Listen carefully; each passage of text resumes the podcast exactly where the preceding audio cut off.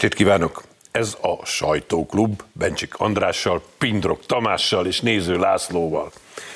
Azért vagyok én a műsorvezetői székben, mert hogy Zsolt éppen a Szipeken lép föl, és kezdjük mi is talán mindjárt azzal, hogy először Európában az idén Magyarországra jött ez a nagyszerű konzervatív kongresszus, aminek a nyitó napon Orbán Viktor volt a fő előadója, fő szónoka. Hallgassunk bele abba, hogy ő hogyan kezdte beszédét, és utána elmondjuk mi is a magunkét. Egy hónapja nyertük meg a Zsinorban negyedik választásunkat, és négy napja alakíthattam meg az ötödik konzervatív keresztény kormányomat. Lépésről lépésre, tégláról téglára harcoltunk és építkeztünk. A recept elkészült.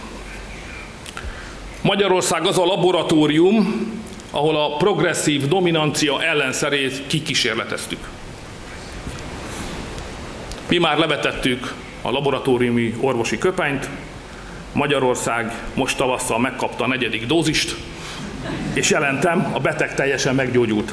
Ebben a harcban csak együtt és csak szervezetten lehetünk sikeresek. Vissza kell vennünk az intézményeket Washingtonban és Brüsszelben.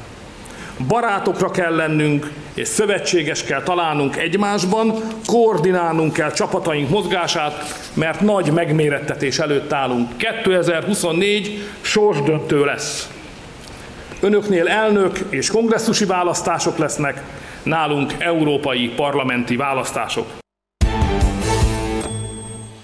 12 pontban foglalt össze ezt a receptet Orbán Viktor. Ezt a 12 pontot nézőink ismerik, hiszen a Hírtelevízió élőben közvetítette a beszédet, aztán meg is ismételtük már, ezért mi most bátran összefoglalhatjuk, hogy ti mit gondoltok erről a 12 pontról, meg egyáltalán mit gondoltok erről a jobboldali reneszánszról, amiről ez az egész kongresszus tulajdonképpen szól. András. Talán megkockáztatható most már, hogy Orbán korszakról beszélünk. Tehát ez egy, ha kitölti ezt a négy évet, mégiscsak egy 20 éves periódus, volt benne egy rövid megszakítás, úgy még talán hosszabb, közel lassan már 30 éves periódusról beszéltünk. Ez egy korszak, ez egy történelmi korszakként is felfogható, és ez a 12 pont bizonyos értelemben ennek a korszaknak az összefoglalása is. Vagyis az, hogy Magyarországon rendkívül súlyos előzmények után gondoljuk a kommunizmusra is, sikerült helyreállítani, sikerült újra fogalmazni az Isten haza család szent háromságát, annak egységét, sikerült kimutatni, bebizonyítani a társadalomnak, hogy ez a alapállás, ami tehát a családra, a keresztény erkölcsiségre és a hazaszeretetre alapozódik, hogy ez a, ez a felfogás elképesztően sikeres. Olyan erőket tud felszabadítani, aminek következtében Magyarország a vesztesek közül a győztesek közé került Európában. Tehát én azt mondom, hogy ez a kongresszus azért volt nagyon értékes, nem annyira a mi számunkra, mint a világ számára, hogy ez a, ez a modell, a magyar modell, ami már történelmi mértékű, tehát ez már nem kísérlet, ez már egy korszak, ez a modell követhető, utánozható, átvehetők ezek a a dolgok, és ez a 12 pont, mint egy ilyen vonalvezető vagy feljegyzett címek tulajdonképpen megmutatják, hogy mik azok, amikre koncentrálni kell azoknak az embereknek, akik a természetes, organikus társadalomba hisznek. Tamás, te mit szóltál én nagy, nagyon fontos, az utóbbi évek legfontosabb beszédének tartom ezt a, a, az Orbán beszédet. És milyen érdekes a történelem, nem? 30 éve az amerikaiak voltak számunkra a republikánusok, a minták, akiket követni kell, és most megfordult a történelem kereke. A republikánusok szeretnék megtanulni, hogy hogy kell legyőzni a baloldalt és a progresszív erőket, és Orbán Viktor ezt el tudta mondani, meg tudta fogalmazni egy fél órás beszédben, összefoglalta, és a 12 pontban összefoglalta, és egyfajta világpolitikai irányt is adott. Szóval kijelölte megint, hogy mi a legfontosabb dátum. 24, Washingtonban választás, Európában választás, tehát itt már nem csak Magyarországról beszélünk, és ez a nagyszerű ebben, és ez a felemelő ebben az egészben, és az, hogy egy ilyen, ilyen találkozó itt van Magyarországon, ez nagyon nagy dolog, ez nagyon nagy elismerés. Hát én is az utóbbival kezdeném, mert ugye az, hogy ez az egész kongresszus Magyarországon zajlott, zajlik, a műsorunk idejében már zajlott, de éppen a felvételünk idejében még zajlik, az azt jelenti, hogy Magyarország már nem csak egy kísérleti laboratórium, hanem ahogy mondtátok, ez egy működő modell, egy minta az egész világ, vagy mondjuk így az egész konzervatív világ számára. Én remélem, hogy amit mondtok, ez a konzervatív reneszánsz, ez, ez igaz lesz. Mert jelen pillanatban még nem tartunk ott, ugye. Sőt, azt látjuk Nyugat-Európában, hogy egyre inkább visszaszorulnak a, a konzervatív jobboldali ö, pártok, és ezért nagyon fontos, hogy Magyarország egy mintát, egy példát mutat, hogy meg lehet ezt csinálni. Persze nekünk könnyű, mert mi az egész történelmünkben ö, több mint ezer éven át harcolnunk kellett, és a megmaradásunkért, tehát vannak a, a génjeinkben van az, hogy harcolunk azért, hogy megmaradjon a nemzetünk, a hitünk, a család, stb. Amerika, Nyugat-Európa már elszokott ettől, nagyon sok országban, nagyon sok pártban már feladták a küzdelmet a, a, ezekért az eszmékért, de lehet, hogy, hogy újra tudjuk éleszteni, ha, ha azt látja a világ, hogy itt egy sikeres működő modell, Amerikában talán igaz ez a reneszánsz, most úgy tűnik, hogy nem csak a 24-es választás lesz fontos Amerikában, hanem a most novemberi fél, félidős választások is fontosak lesznek, és nagyon úgy tűnik, hogy ez a hát félig, félig sem normális kormányzat, ami most működik Amerikában, ez egy kicsit visszábszorul a kongresszusban és a szenátusban is, így egy kicsit talán Amerika fordulni tud, egy, egy, egy olyan pályára tud állni, ami 24-es választásot megkönnyíti a republikánusok számára, de Nyugat-Európában azért olyan nagyon nem bízom a balliberális sajtónak nevezett fake news gyárak próbálták elhitetni velünk sokáig, hogy mi elszigetelődünk ezzel a politikával, nem hogy modell, követendő példa nem leszünk, hanem, hanem páriákká válunk Európában is, meg szerte a világban. Ehhez képest a, a szipeken való részvétel azzal a csodálatos érzéssel töltött el az embert, hogy nem vagyunk egyedül. Tehát mindig is sejtettem, hogy nem bolondulhatott meg az egész világ, hogy meg kell, hogy legyen Amerikában is a józanságnak a, a képviselői, meg kell, hogy legyenek, és kiderült, hogy igen, több mint 200-an utaztak ide Magyarországra a legnevesebb képviselői közül. Ez azt jelenti, hogy ott nyilván milliós létszámmal vannak még olyan emberek, akik őrzik a, a józan normál racionális gondolkodást, de ahogy Laci fogalmazott, korán sem állunk nyerésre, és emiatt vált fontossá ez a két dátum, amit Orbán Viktor is említett. Viszont volt egy nagyon, nagyon negatív tapasztalatom is, mégpedig az, hogy a külföldiek előadásaikban mind arról számoltak be, hogy azért is nagyon jó itt Budapesten erről beszélni, mert mikor odahaza beszélnek erről, akkor konkrét fizikai fenyegetettségben teszik ezt. És az egyik rádiós showman, aki a leghallgatottabb konzervatív műsort vezeti Amerikában, ő elmondta, hogy egész egyszerűen naponta többen próbálják őt kirugatni az állásából, és szerencsére olyan főnöke van, akivel már csak röhögnek, és már csak a strigulákat húzzák, hogy hanyadik jött éppen.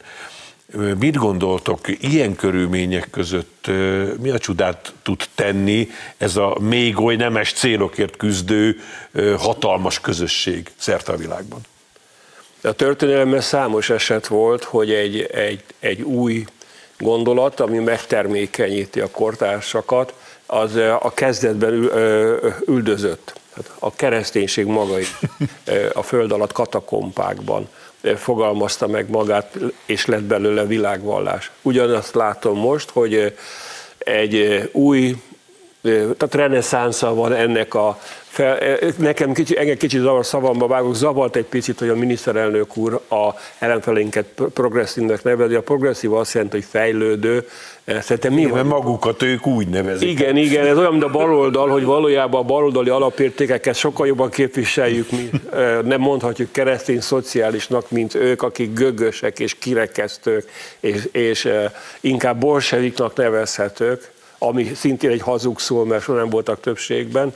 Szóval a lényeg az, hogy a szavak háborúja is zajlik ebben a történetben, de a veleje az, hogy mi azt mutattuk meg nekik sok hányatatás után, ami végül a 90-es évektől vedetett el máig, hogy ha egy, egy közösség konzekvensen ragaszkodik ahhoz, hogy megfogalmazza a számára fontos szent alapértékeket, és azokat hűen követi, az előbb-utóbb győzelemre jut. Mert a társadalom zöme szintén úgy gondolkodik, hogy normálisan, értelmesen, szépen, harmóniával szeretne élni, különbséget akar tenni a jó és a rossz között, meg akarja védelmezni az értékeit.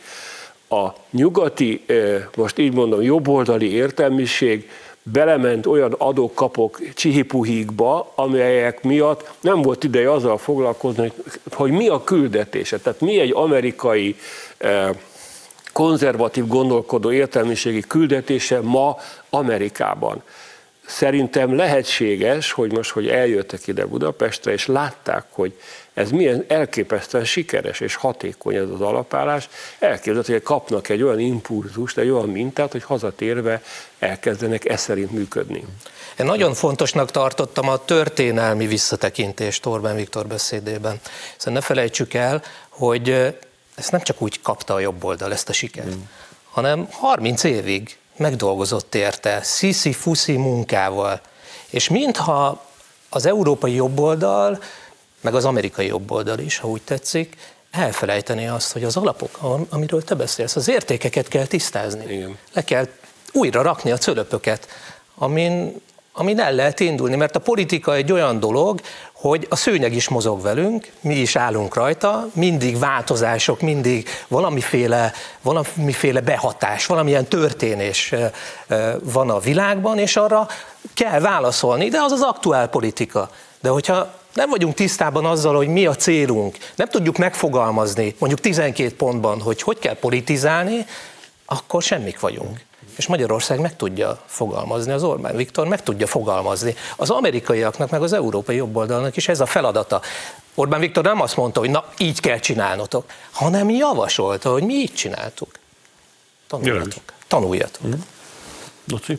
Hogy is van, csak akkor születtek nagy dolgok, ha bátrak voltak, akik mertek. Úgyhogy első sorban azt javaslom a nyugat-európai és amerikai barátainknak, hogy legyenek bátrak. Másodszorban az, hogy amit Orbán Viktornak mi a titka tulajdonképpen? Nem talált ki gyakorlatilag semmi újat. Tehát nem, nem, nem kellett feltalálni neki a spanyol viaszt. Meg kellett hallgatni, hogy mit, akar az, mit akarnak az emberek. Amerikában, Nyugat-Európában, Magyarországon nagyjából ugyanazt akarják az emberek. Békében, biztonságban, viszonylagos a lehetőségekhez képest jólétben élni. Hogy a kormányzatnak az a feladata, hogy ezt megteremtse. Nem a, a különböző hülye ideológiáknak kell megfelelni, a gender, a LMBTQ és a többi uh, hagymázos gondolatoknak, hanem egyszerűen a, az emberek igényeivel, a, és nem csak a, az egyes ember, hanem a nemzet igényeivel kell foglalkozni. Ezt a Nyugat-Európában elfelejtették, meg Amerikában is egyébként a jobboldali értelmiségiek gondolkodó politikusok meg nagyon sokszor megalkuttak, mert akkor nem hívták be őket a CNN-be, nem hívták őket a BBC-be, vagy rosszat írt róluk a Die vagy a Frankfurter Allgemeine Zeitung, vagy bárki, és ezért ők hajlamosak voltak a megalkuvásra. Nem szabad megalkudni ez a titka, bátornak kell lenni, és hát ugye sokszor elhangzott a, a konferencián, hogy harcolni kell azokért az értékekért, amiket mi képviselünk és igaznak hiszünk, és nem csak azért, mert mi azt gondoljuk, hogy ez jó, hanem azt gondoljuk, hogy ez a jó azoknak az embereknek, akiket mi képviselünk. Nem az a jó, hogy terhes férfiakat mutatunk, ami biológiailag ugye nem lehetséges, hanem az a jó, ha, ha velük foglalkozunk, hogy mik a, mik a problémáik, mi, mit kell megoldani az életükben, hogy jobb legyen az életük, mert a politikának semmi más feladata nincs, mint a közösség ügyeinek a képviselete, a közösség szolgálata. Ennyi. Igen. Így van konzervatív forradalomnak is nevezik ezt, ami most zajlik, hogy tulajdonképpen azok a forradalmárok, akik konzervatívok manapság. A 12 pontra is így utalt Orbán Viktor, hogy azért, mert a magyar forradalmároknak ez a 12 pont, ez, hogy is mondjam, csak már mintául szolgál. De volt egy nagyon fontos megjegyzés ennek az amerikai rádiós kollégának, amit még akarok, hogy a hátralévő pár percben beszéljünk meg, azt mondta, hogy nagyon vigyázzatok a gyerekeitekre, mert a genderfluid klímaidiótáknak nem lesz gyereke, hiszen ők azt hirdetik, hogy nem szabad gyereket szülni, mert túl sok széndiokszidot termel. Innen kezdve szükségük lesz, ahogy ő fogalmazott, a ti gyerekeitekre. És el fogják őket rabolni, és elkezdik mosni az agyukat, hogy forduljanak veletek szembe. Úgyhogy nem lehet elég korán otthon elkezdeni az értékek felmutatását, és őket megtanítani arra, hogy ezek mentén, az értékek mentén éljenek, mert különben nagy baj lesz. És ez gyakorlatilag egybevág a mi gyermekvédelmi törvényünkkel, a népszavazásunkkal, azzal, hogy a nő, az apa férfi, az anya nő, a gyerekeinket meg hagyják békén. Úgyhogy ez, ez talán az egyik legfontosabb ebben a harcban, ezt a csatát megvívni. Itt is az alapokról beszélsz. Igen. A gyermeknevelés alapjairól, és minden kisgyerekes szülőnek azt ajánlom, hogy a gyerekeknek szóló Bibliával meséljék el esténként, abban az alapok ki vannak jelölve, és az a gyerek már nem fog eltérni felnőtt korban attól, amit hall, amit majd az iskolában megtanul, mondjuk itt tanórákon, vagy elmegy, ne adj Isten, a katolikus egyházhoz, cserkésznek, mert, mert ezek nagyon fontosak, kijelölik a, a jövőt. Szerintem szerencsénk van azért a progresszívekkel, mert hogy ez az ideológia, ez halott. Hiába, hiába most úgy tűnik, hogy nagyon előre megy, nincs jövője. Csak az a jövője, amit te mondtál, idézted a rádióst, hogy lehet, hogy elrabolják majd a gyerekeinket, de mi ezt nem hagyjuk. Már most meg kell ezt állítani, és szerintem Magyarországon az a gyermekvédelmi törvény, ami életben van, ez megakadályozza ezt, és mi ellen fogunk állni. Igen. A, a Szovjetunió története megmutatta, hogy a deviancia, sőt egy deviás kisebbség egy válságos helyzetben lévő társadalommal hatalomra tud kerülni, és rettenetes károkat tud okozni, bár a társadalom a végén iszonyú áron megszabadul ettől a betegségtől. Ma Nyugat-Európában azt látjuk, hogy szintén egy deviáns kisebbség próbálja, és itt-ott sikere rákényszeríti az akaratát az egészséges többségre. Ez a kongresszus a 12 pontjával pedig azt mutatja meg, hogy egy egészséges társadalomban a, az alapokmány, ami definiálja a rendet, és az egészséges többség meg tudja magát védeni a devianciával szemben, tehát a többség a gyerekeit is meg fogja védelmezni a különböző csinos ruhákba öltözött devianciákkal szemben. Laci? Hát itt a végén engedjétek meg, hogy egy kicsit pessimista legyek. Pont a, emiatt, amit mondtál, mert Nyugat-Európában már az látszik, hogy a gyerekeket elrabolták. Tehát ott a, a jövő nemzedékével elég nagy problémák vannak. Amerika még nem teljesen reménytelen, ne a nagyvárosokra gondoljatok, de azért a vidéki Amerikában még megmaradt a, a, az az igazi Amerika, amit mi annyira szerettünk. Azért mert vannak közösség. Igen, Magyarország, Kelet-Európa nincs elveszve teljesen, de Nyugat-Európában én már nem sok reményt látok, pont amiatt, mert ott már a gyerekek egyszerűen sorolhatnánk a rémtörténeteket, egyszerűen a szülők már nem is tudnak, nem is mernek beleszólni, mert ha beleszólnak, hogy sokszor elmondtunk itt történeteket, akkor esetleg még az állásukból is kirúgják őket. Ezért kell megelőző csapás. Bízunk benne, hogy ezt tudunk változtatni ezen a helyzeten. Nézőink se veszítsék el a reményt, nagyon rövid szünet után jövünk vissza, és folytatjuk a sajtóklubot.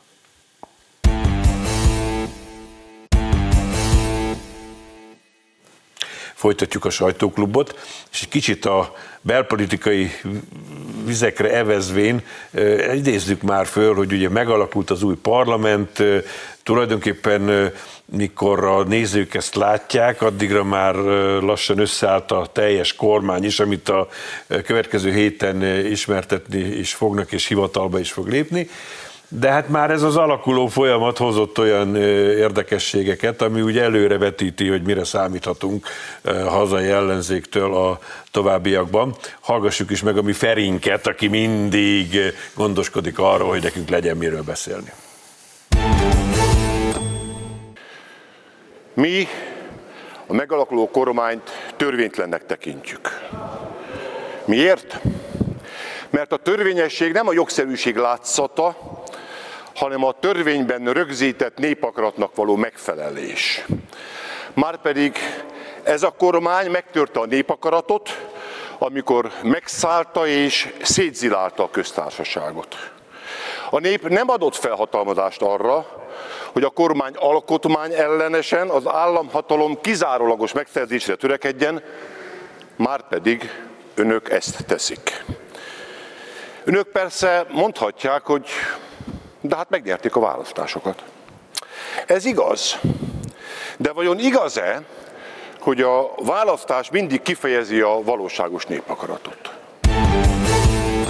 Hát ez doz. Nem, ne, nehéz, nehéz rendezni az embernek az arcvonásait ezek után, de a dolog lényege az mégiscsak valahol ott van, hogy három millióan szavaztak a most megalakult kormányra, egy millióval kevesebben szavaztak arra, amit Gyurcsány képvisel, mint az előző választáson. Milyen népakaratról beszél ez az ember? Szóval én egy teljesen leakadtam. Ti hogy látjátok? Nekem uh, sikerült ezt megfejtenem. Kérlek volt egy korszak, amikor Magyarország nem egy ócska, szimpla demokrácia volt, hanem egyenesen népi demokrácia volt, ahol ugye egy jelöltből egyet lehetett választani, és Kádár János általában 99,9 százalékos arányban újra és újra megválasztották. Szerintem Gyurcsány Ferenc erre a fajta népakaratra beszélt, amikor a választás kifejezi a népakaratot. Ezt 48-ba fektették le ennek demokratikus alapjait, a kék cédulás választási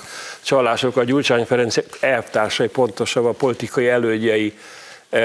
Ezen túlmenőleg, amit mond, az egy ökörség legyünk őszintén. Én azért felhívnám a figyelmet arra, hogy itt egy antidemokratikus politikussal állunk szemben. Hát ezt mi eddig is tudtuk. Hát most elmondta. Hát ez nem, nem a népfenség, hogy három millióan szavaznak a jobb oldalra, rájuk meg két millió, az nem érdekes.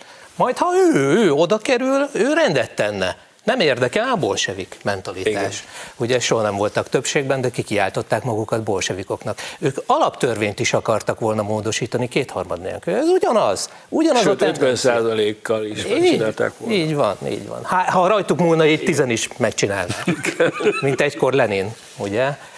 Szóval ez, ez egy nagyon veszélyes terep, de úgy látom, hogy ott a környező politikusok az ellenzékből is csak úgy pislogtak, miről beszél ez az ember. Még a Jakab Peti sem nagyon fogta az adást, úgy vettem észre ott a sarokban a képernyőn. Tehát most az látszódik, hogy irányokat jelöl ki az ellenzék, hogy, hogy mi legyen, hogy legyen. Van a DK, van a, a Momentum, meg hát nem is tudom a párbeszédet hova tenni, mintha ők így ilyen, ilyen rendszerkritikusak szeretnének lenni, kint is vagyok, bent is vagyok, de inkább kritizálom az egész rendszert úgy, ahogy van, mert ez elfogadhatatlan. És van egy az LMP, aki mintha konstruktívan szeretne hozzáállni a dolgokhoz, hát az MSZP-t sem tudom természetesen hova tenni, hát azért is állnak ott, ahol állnak. Szóval ilyen iránykijelölés van, és Fletót nem biztos, hogy mindenki fogja követni. Hm. Nem tudom, emlékeztek el még rá, amikor Gyurcsány Ferenc miniszterelnök volt, valami sajnálatos félreértés folytán Magyarországon, akkor egy szavazáson megválasztották a világ legrosszabb demokratájának. Nagyon rég volt. Nem múlt el ez nála, ez most ugyanolyan, ugyanúgy nem, nem tudja mi az, hogy demokrácia, de most még visszautalva egy pillanatra a szipekre, meg Amerikára, hogy a a CNN-en megjelent egy cikk, hogy hát egyszerűen mondjuk Magyarországnak a szavazati jogát, azt semmibe se kell venni, úgy kell dönteni, hogy kihagyni Magyarországot, az Európai Uniónak, a NATO-nak meg Törökországot kell kihagyni, hát most mit, mit, akar, mit ugrálnak itt? Hát ilyen a demokrácia felfogás itt a, a bal oldalon, a liberális oldalon. A miniszterelnök úr beszélt arról, hogy elkészült a vakcina ez ellen, a, a baloldal ellen, de úgy látszik ez a vakcina tartalmazott egy olyan összetevőt is, hogy egyszerűen nem tudnak kilépni a saját árnyékukból. Ugyanazt mondják 12 éve. Hm. És 12 éve nem tudom hányszor kell még rajtuk elverni a döbrögi uraságokat a Ludas Matyinak, hogy rájöjjenek, hogy az, amit csinálnak, az nem jó és nézzétek meg, bemegy Gyurcsány a parlamentbe, és ugyanazokat elmondja, ami miatt, hogy is mondjam, most egy csúnya szót akartam mondani, de ezt nem mondom ki, ami miatt úgy elverte őket a Fidesz, mint jég a, a, a szamarát, vagy hogy, hogy van a szaharát. Na, szóval e, elképesztő. És még egyszer visszautalva a szipekre, Orbán Viktor elmondta a receptet nekik is lehetne ezt a receptet használni. Hát csak dolgozni kellene. Igen, hát csak azt, el... azt meg nem lehet karácsony Nem csak dolgozni, hogy... ehhez intellektus Na, kellene. Mert az nagyon, ugye? az nagyon fontos, amit Orbán Viktor mondott, hogy olvasni kell. Igen. Tanulni kell. Igen, legyél te a legjobb, és akkor nyerhetsz. Azért azt se felejtsük Ez nem, el, nem, nem veszélyeztet bennünket ezek. Hogy, hogy Gyurcsány 2010-től mindig kétharmaddal kap ki. Szóval, hogyha a saját szavazóbázisa ezt most már nem veszi észre, hogy ez a pali, ez, ez semmi, csak egy dumagép, sem, nincs teljesítmény mögötte, akkor lehet, hogy jobbra fordul az ellenzék sorsa, de hát ezt észre kellene venni. Úgy mondjuk nehéz, hogy ők ülnek a parlamentben, ez tény, tehát maguknak köszönhetik. Hál' Istennek nem az ellenzék sorsa fordult jobbra, hanem az egész ország jobbra ez, fordult. Ez is tény. Mi ebben a műsorban sokszor elmondtuk, még április harmadika előtt, hogy humbuk az egész összefogás, hogy ezek egy kanálvízbe meg tudnak folytani egymást. Nem volt konkrét példánk, mert hát ugye honnan lett volna, és ezért csak feltételeztük, hogy elképesztő mi mehet, ha ez jön ki belőlük, mint kampány, amit láttunk. És mit ad Isten, megjelenik egy cikk a Direkt 36-ban, amely szinte szóról szóra a mi előre megjósolt és feltételezett mondatainkat tartalmazza arról, hogy ezek, ezek hogy viselkednek egymással. Nincs most időnk arra, hogy az egészen végigmegyünk, bár csemege, úgy, ahogy van, de azért két, két mondatot mondanék, amikor azt mondja a karácsony, hogy nem biztos, hogy a választók rosszul döntöttek, hogy nem erre a masszára szavaztak, pártnak, aminek ő is tagja volt, mire teljes joggal megszólalt Ferink újfent, bazd meg Gergő, te hoztad a nyakunkra ezt az embert, ez a te felelősséged. Na hát innen kezdve, titeket mi ragadott meg ebben az egészben? Ez így együtt. Ez így együtt gyönyörű. Ez gyönyörű. Szóval annyira ócska, annyira silány társaság, hogy még maguknak sem tudnak hazudni, hogy legalább eljátszanák önmaguknak, hogy mi valakik vagyunk. Tehát, ahogy mondja Orbán, hogy legyetek a legjobbak. Hogy elszenvedik a vereséget, az, egy, az egyik, a karácsonynak az egyetlen jó tulajdonsága, hogy annyira, hogy is mondjam, zokni, hogy azt is elmondja, hogy mi tulajdonképpen hülyék vagyunk, és tulajdonképpen jó döntés volt, hogy nem ránk szavaztak, mire a, a flettóból meg kitör az, hogy ezt az idiótát, ugye, és ugye itt, itt Márkizaj Péterre gondol, te hoztad a nyakunkra. Mondja az ember, hogy de gyerekek, hát ezt akkor is tudtátok, amikor ezt a dolgot összehoztátok. Tehát ez egy olyan silány társaság, hogy a saját silányságával sem tud mit kezdeni. Tehát, jaj. Jaj. Nagyon, nagyon úgy tűnik, hogy akkor sem voltak már a maguk urai, tehát ez valonnan kívülről jön. Egyértelmű ez egyértelmű a nyomás, hát most behatárolhatjuk az amerikai demokraták részéről. Szerintem, hogy legyen kormányváltás, és ki legyen az a jelölt, akivel fel lehet venni a versenyt Orbán Viktorral szemben. És akkor kigondolták, hogy egy jobboldali karakter. Van több gyereke, vallásos, ami igaz is Márkizai Péterre, de mintha a vizsgálatok, a demokraták vizsgálatait megálltak volna az emberrel kapcsolatban. Hát mert nem látták, amit már Gyurcsány is látott időközben rájött, hogy hát nem elég, hogy csak úgy megnézzük messziről, hanem kéne tudni, hogy milyen ez az ember valójában. Hát olyan ez az ember valójában, amilyen a kampányban volt. Össze-vissza beszél, ami az eszébe jut. Fontosabb neki elmenni a benzinkút WC-jébe pisilni, mint meghallgatni egy szakértőt az ukrán helyzetről. És lecsapta a telefont, ez is a cikk egyik része. Outsider teljes mértékben, és most pártot akar civilek pártját. És már a civilek sem akarnak hozzá csatlakozni. Hát ennyi. Laci? Arról, amit mondtál, az jutott eszembe, hogy ha igaz a, a nyugat-európai és amerikai befolyásolási kísérlet a, az ellenzék kampányában, már pedig igaz, ők maguk árulták el. Az amerikai, amerikai tanácsadók nem, nem értették annyira, akkor azért az felmerül az emberben, hogy ennyit tudnak. Hát. Akkor vajon mi a fészkes fenér nem rázzák gatyába magukat a nyugat-európai jobboldali pártok, és győzik le ezt a, a De Kelet-Európa több országában bejött azért ez. Hát, Mintha ott jobban megvizsgálták volna. Nyilván annak vannak más okai is. Ott nincs Orbán Viktor. Hát. De visszatérve a cikkre. Azért azt az első gondolatom az, hogy kinek állt ez érdekében, hogy ez a cikk megjelenjen. Ki íratta ezt a cikket? Hmm. Mert amit említettél például, hogy bement pisilni, az Márkizaj szerint nem úgy volt.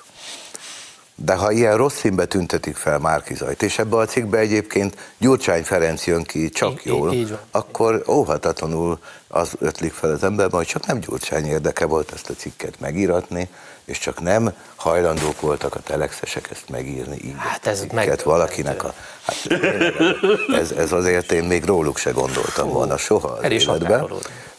A konkrét ügyre meg, hát mi ezt ö, számtalanszor elmondtuk, ahogy mondtad itt a sajtóklubban is, és más műsorokban, hogy ez egy, ez egy látványpékség. Ebben semmi nem igaz.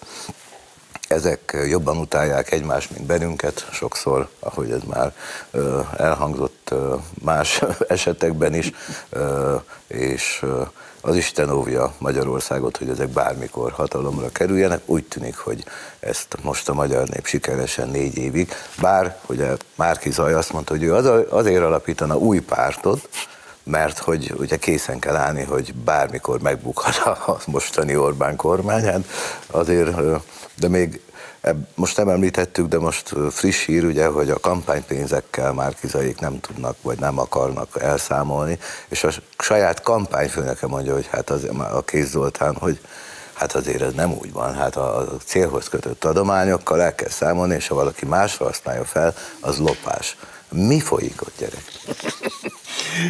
Nekem még egyetlen említésre méltó dolog jutott eszembe, amikor arról van szó, hogy a április harmadika, Ugye már ott akkor mi azon lamentáltunk, hogy mennyire furcsa, hogyha mi, eh, ne adj Isten, mi veszítettünk volna, akkor, akkor még többen álltunk volna oda Orbán Viktor mögé a színpadra. Ez a szerencsétlen Márkizaj meg ott kénytelen volt a családját, meg a gyerekeit fölrángatni, mert senki nem volt már. Majd mit ad Isten, erről nem tudtunk, hogy másnap volt valami elnökök ö, nevű Facebook csoport, csoport amiben kommunikáltak egymással, és másnap reggel ki volt pöckölve a bárkizat. Ez valami, Szignál. ez valami döbbenetes. Na mindegy is. A dolog lényege az az, hogy nem, nem hagyják abba. Itt valamelyikőtök már utalt arra, hogy, hogy tizenvalahány éve nyomják ugyanazt a, a mantrát, ugyanazt a sületlenséget, és nem jönnek rá, mennyire kontraproduktív. Egy ilyen említést szeretnék még fölhozni, de a műsorba amit nem szívesen mondok ki, azért dadogok. De hát muszáj, mert hogy, hogy megjelent, és, és nagy valószínűséggel, amit Laci mondott arról, hogy harcolni kell, és, és azért azonnal vissza kell utasítani, ezért kérek elnézést a nézőktől, de el kell mondjam, hogy Tóth Ákos, főmunkatárs, egy ilyen valliberális szenny labban egy publicisztikájának olyan címet adott, hogy kövér a baromarcú. Na most Most nekem még számolnom kell tízig, úgyhogy András, mondd el létszer, hogy te mit gondolsz erről. Hát a silányság az, az úgy tűnik, hogy ez az állandó jelző ennek a társaságnak. Tehát a, a, és a gyűlölet, az ebből fakadó gyűlölet. Tehát a saját ócskasságuk miatt képtelek elviselni, hogy vannak náluk lasszabb emberek. Kövér László gyalázásával az a, azon túl, hogy emberileg nem szokott beleférni. Tehát lehet cifrákat mondani a, a politikai ellenfelekről egy határig, de ez a, ez a, ez a intenzív gyalázás, ez nem fér bele. De ami ennél fontosabb, azért lett Kövér László ismét a ház elnöke, mert három millió magyar állampolgár azt mondta, hogy továbbra is a Fidesz KDNP-re szeretné bízni az ország irányítását, és azok, akiket felhatalmaztak ezzel az úgynevezett képviselők, úgy gondolták, hogy eddig jól végezte a munkáját, ezután is jól fogja végezni. Tehát amikor ez a, ez a, ez a köcsög, ez az újságíró gyalázza Kövér Lászlót, akkor valójában 3 millió szavazó akaratát gyalázza, mert ez összefügg a nép, ez a népakarat gyalázása, azon túl, hogy antidemokratikus, rendkívül eh, ártalmas, elfogadhatatlan és elutasítandó magatartás. De hát nem várunk ennél többet, ócskánál ócskább alakok keveregnek ebben a táborban, úgy tűnik, hogy az egyetlen eszközük, ami még azt hiszik, hogy működik, ez a gyűlölet, de a gyűlöletről éppen ezen a választáson derült ki, hogy semmit nem ér. Hát... És nem vagyunk még messze attól a karikatúrától, ugye, amelyben Orbán Viktort valamiféle parazitaként ábrázolták Európa testén. Szóval mindig mondjuk, hogy ennél már nincs lejjebb, de ők mindig bebizonyítják, hogy dehogy nem. Ugye arról beszéltünk sokszor a kampányban is, meg azóta is magánbeszélgetéseken, hogy a baloldali média átvette a baloldali pártok szerepét és ilyen politikai aktorként viselkedik. Na hát az ő mélyrepülésüket is mutatja, hogy ez a szint.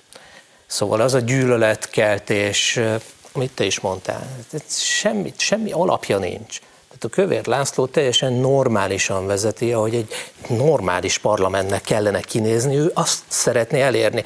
Tehát olyan ellenzéki politikusokkal, akik hát a hatházitól kezdve a többieket lehetne sorolni, hogy lehetne normálisan? Tehát csak szigorral lehet ellenük fellépni. És a Kövér László remek remek parlamenti elnök volt az előző ciklusokban is, és egy ilyen senkiházi, mint ez a nem tudom, újságírónak nevezett valaki, hmm.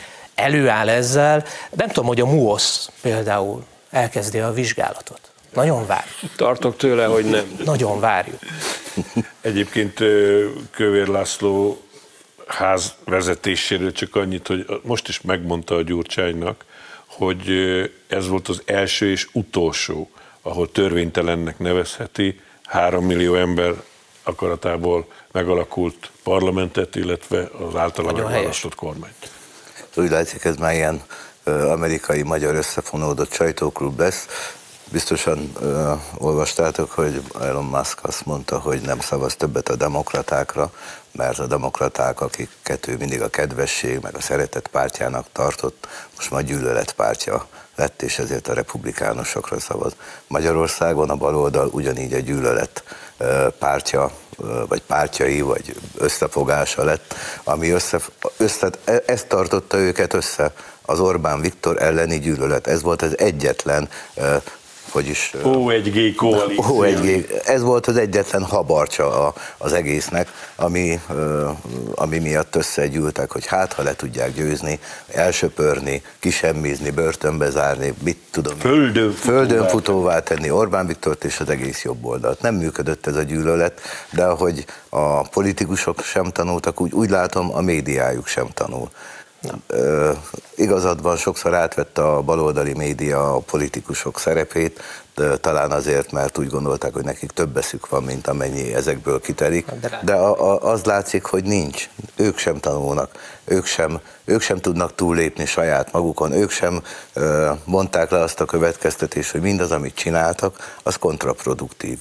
Az pont az ellen hatott, ami, amiért ők harcoltak, úgymond, úgyhogy lehet, hogy nekik is valami más irányt kellene szabni az egész szerkesztési, meg újságírói elveiknek, és mindig minket szidnak, könyv is jelent meg rólunk, hogy mi vagyunk a gyűlölet, meg a, a, a csúnya közbeszédnek a terjesztői és a konkolyok a magyar médiában, de egy kicsit tükör elé kéne állni, és önmagukba belenézni, hogy mit tettek ők azért, hogy az elmúlt 30 évben ide jutott a, a, mondjuk a magyar médiavilág, a magyar politika, mert nem mi kezdtük ezt. Mi is mondunk Ez... csúnyákat a politikusokról, kétségtelen, meg is szólnak érte, a MUASZ az mindig felszólal, hogy ejnye.